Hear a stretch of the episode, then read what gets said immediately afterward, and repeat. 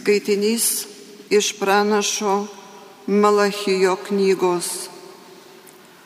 Aš esu didis karalius, kalbėjo galybių viešpats, ir mano vardas įkvepia pagarbą tautoms.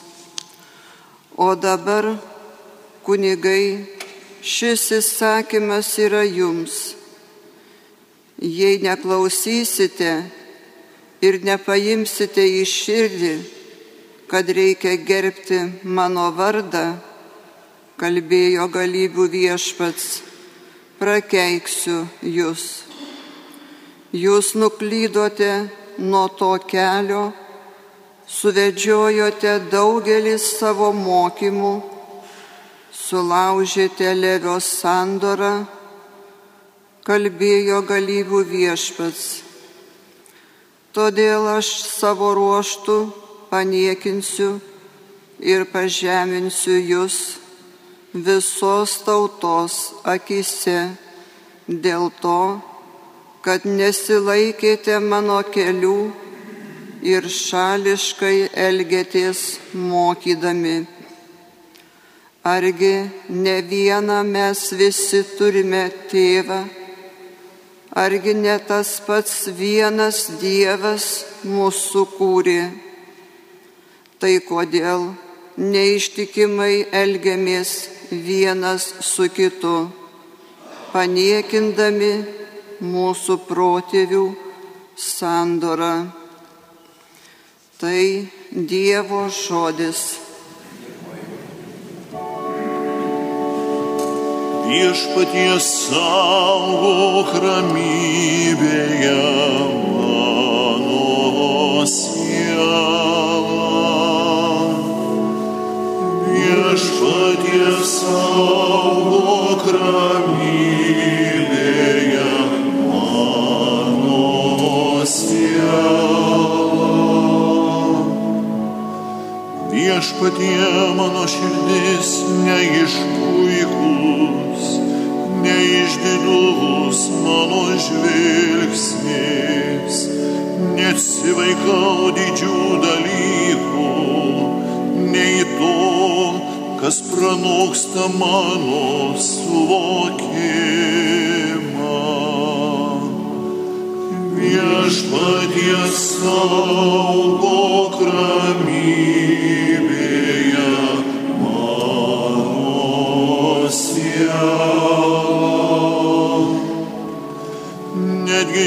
patenkintas esu ir nurimęs, kaip vaikas ramus ant motinos kelių.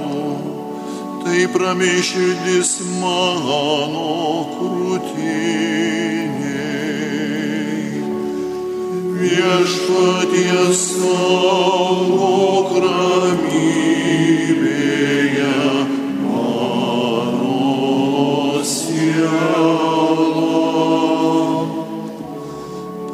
pasitikėk viešpačiu Izraelį dabar ir per amžius. Viešpaties saugok ramybėje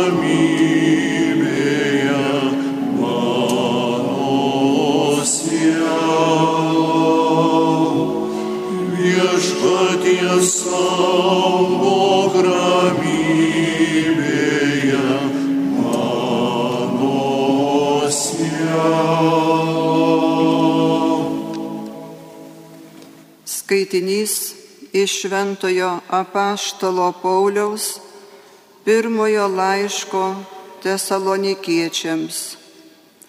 Broliai ir seserys, mes jums buvome švelnus tarsi motina, globojantis savo kūdikius. Taip jūs mylėdami troškome pasidalyti su jumis ne tik Dievo Evangeliją, bet ir savo gyvybę, nes tapote mums be galo brangus. Jūs, broliai ir seserys, atsimenate mūsų triūsą ir pastangas, dirbdami per dienas ir naktis, kad neapsunkintume ne vieno iš jūsų, skelbėme jums Dievo Evangeliją. Todėl mes be paliovos dėkojame Dievui, kad priėmė mūsų paskelbtą į Dievo žodį, jūs priėmėte jį ne kaip žmogaus žodį, bet kas jis iš tikro yra, kaip Dievo žodį, kuris veikia jumise tikintieji. Tai Dievo žodis.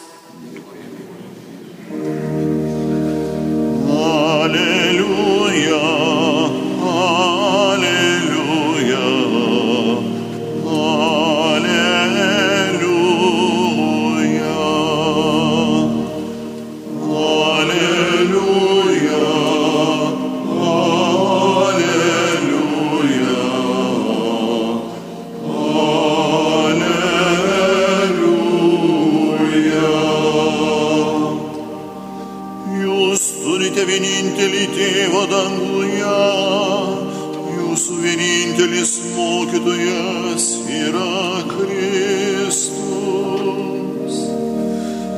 Alleluja, alleluja,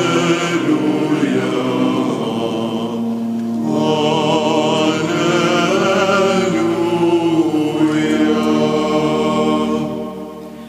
Viešpat su jumis. Ir su tavimi. Iš Šventosios Evangelijos pagal matą. Garbė tau viešpatie. Anu metu Jėzus kreipėsi į minę ir į savo mokinius. Į Mozės krasę atsisėdo rašto aiškintojai ir fariziejai. Todėl visą, ką jie liepia, darykite ir laikykitės. Tačiau neselkite, kaip jie elgesi, nes jie kalba, bet nedaro. Jie riša sunkes nepakeliamas naštas ir krauna žmonėms ant pečių, o patys nenori jų nie pirštų pajudinti. Jie viską daro, kad būtų žmonių matomi. Jie pasiplatina maldos diržus ir pasididina apseustus purgus. Jie mėgsta pirmasias vietas pokyliuose bei pirmuosius krėslus sinagogose, mėgsta sveikinimus aikštėse ir trokšta, kad žmonės vadintų juos rabi. O jūs nesivadinkite rabi, nes turite vienintelį mokytoją, o jūs visi esate broliai. Ir ne vieno iš savųjų nevadinkite tėvų, nes turite vienintelį tėvą danguje. Taip pat nesivadinkite mokytojais, nes jūsų vienintelis mokytojas yra Kristus. Kas iš jūsų didesnis, tebūnė jums tarnas, nes kas save aukština, bus pažemintas, o kas save žemina, bus išaukštintas. Tai viešpatie žodis. Šlovė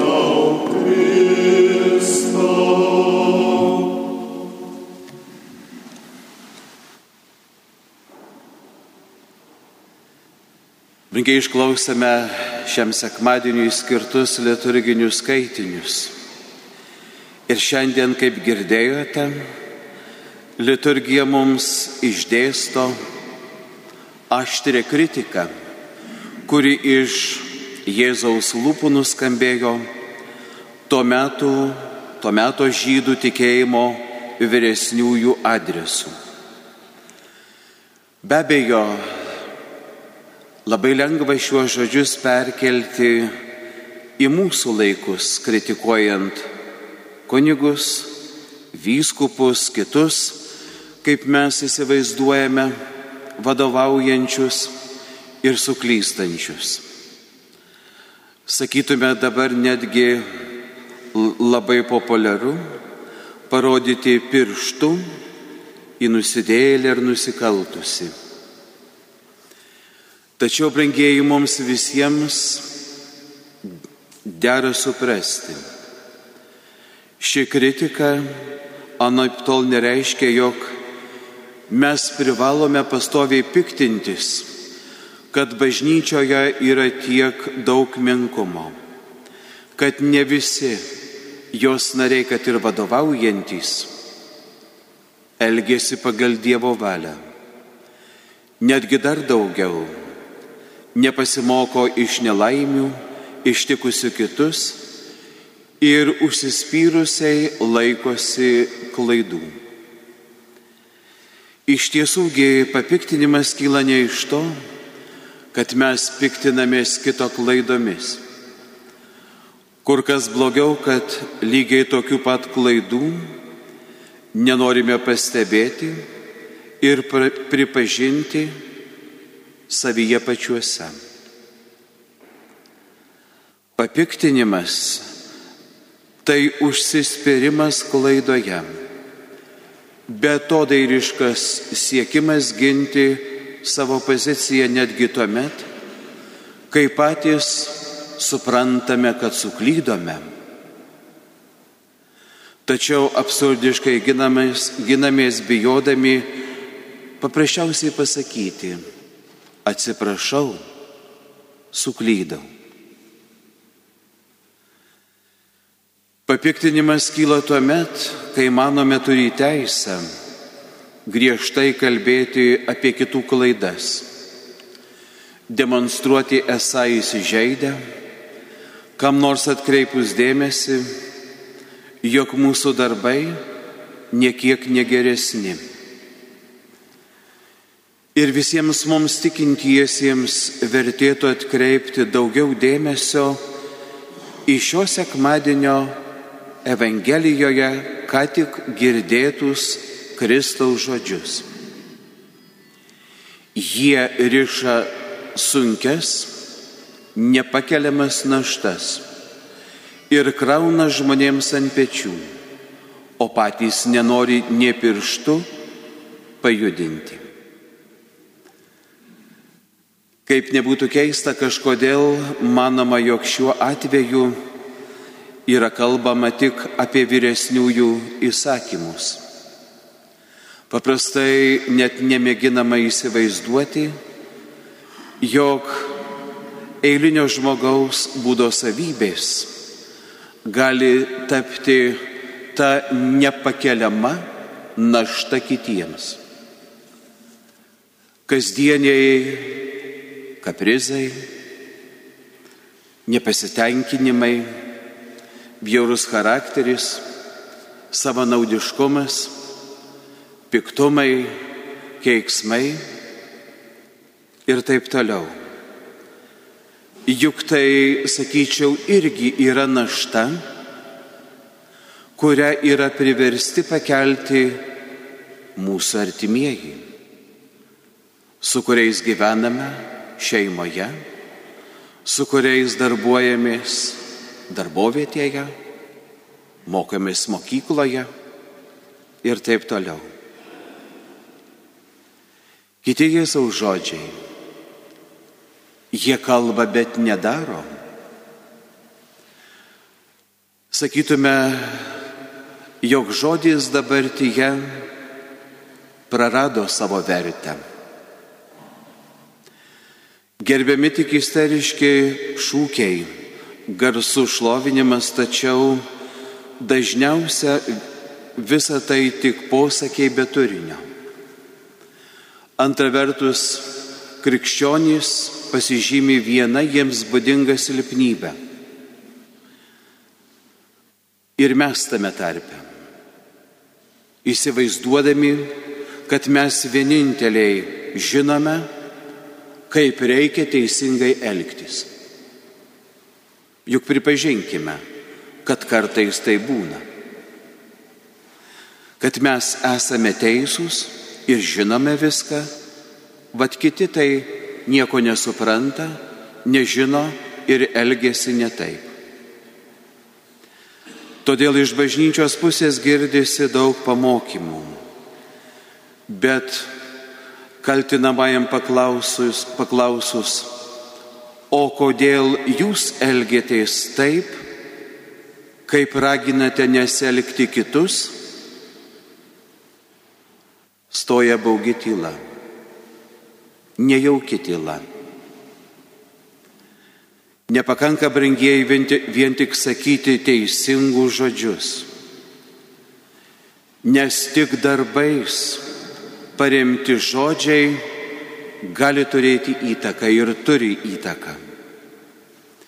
Juk ir savo tikėjimą mes galime paliudyti ir darbais, privalome tai daryti. Viešpaties ištarti žodžiai Jie pasiplatina maldos diržus ir pasididina apseustus purgus. Sutikite, jog dažnai ne vienam kyla noras pasipuikuoti savo dvasinių pranašumų. Nekalbu apie materialinį gerbuvį, bent jau dvasinių pranašumų pasipuikuoti. Kai kas įsivaizduoja, jį įsivaizduoja kaip mokėjimą elgtis skirtingai nuo kitų, kai kam atrodo, kad tikrasis pamaldumas tai visada būti su minė ir niekas nepastebi tiek vienu, tiek kitu atveju po išorinę pozą slypinti vargšą. Dar nieko dvasinėme gyvenime nepasiekusi žmogų. Bet Dievą brangieji anot vieno dvasinių rašytojų domina ne išorė. Ir mes kiekvienas puikiai tai suprantame. Dievą domina tai, kas lypi po mūsų rūpestingais, susikurtais karmalais, kuriais dangstume savo menkumą. Dievui rūpi ar žmogus iš tiesų tiki ir gyvena Evangeliją. Tikrai Jėzaus žodžiai, kuriuos girdėjome šiandien, nebuvo skirti vien ano meto fariziejams ar rašto aiškintojams. Atrodo, kad amžiams bėgant ir krikščionys irgi išmoko veidmainystės, kai bebūtų gaila. Gal todėl jie taip nenoriai ir mes nelabai noriai klausomės šios sekmadienio Evangelijos, ypač kai mėginame pasiūlyti perskaityti ją kitaip. Kas save aukština, bus pažemintas. O kas save žemina, bus išaukštintas, sako viešpats. Ieškokime garbės ne šioje žemėje. Ieškokime garbės pas Dievą. Darydami daugiau Dievo ir artimo meilės darbų už juos pelnysime atlygį. Ne už gražius žodžius, nes jie kartais nors ir skambus, bet užti. Bet už darbus, kad ir menkus. Nes viešpats pamenate yra pasakęs, ką padarėte vienam iš mažiausiųjų, man padarėte. Lai tie mūsų menki meilės darbai nutiesia mums kelią į džiaugsmingą amžinybę. Draugė su Dievu ir pamiltais į žemės keliuos, kurią šiandien prisimename ir melžiamės. Amen.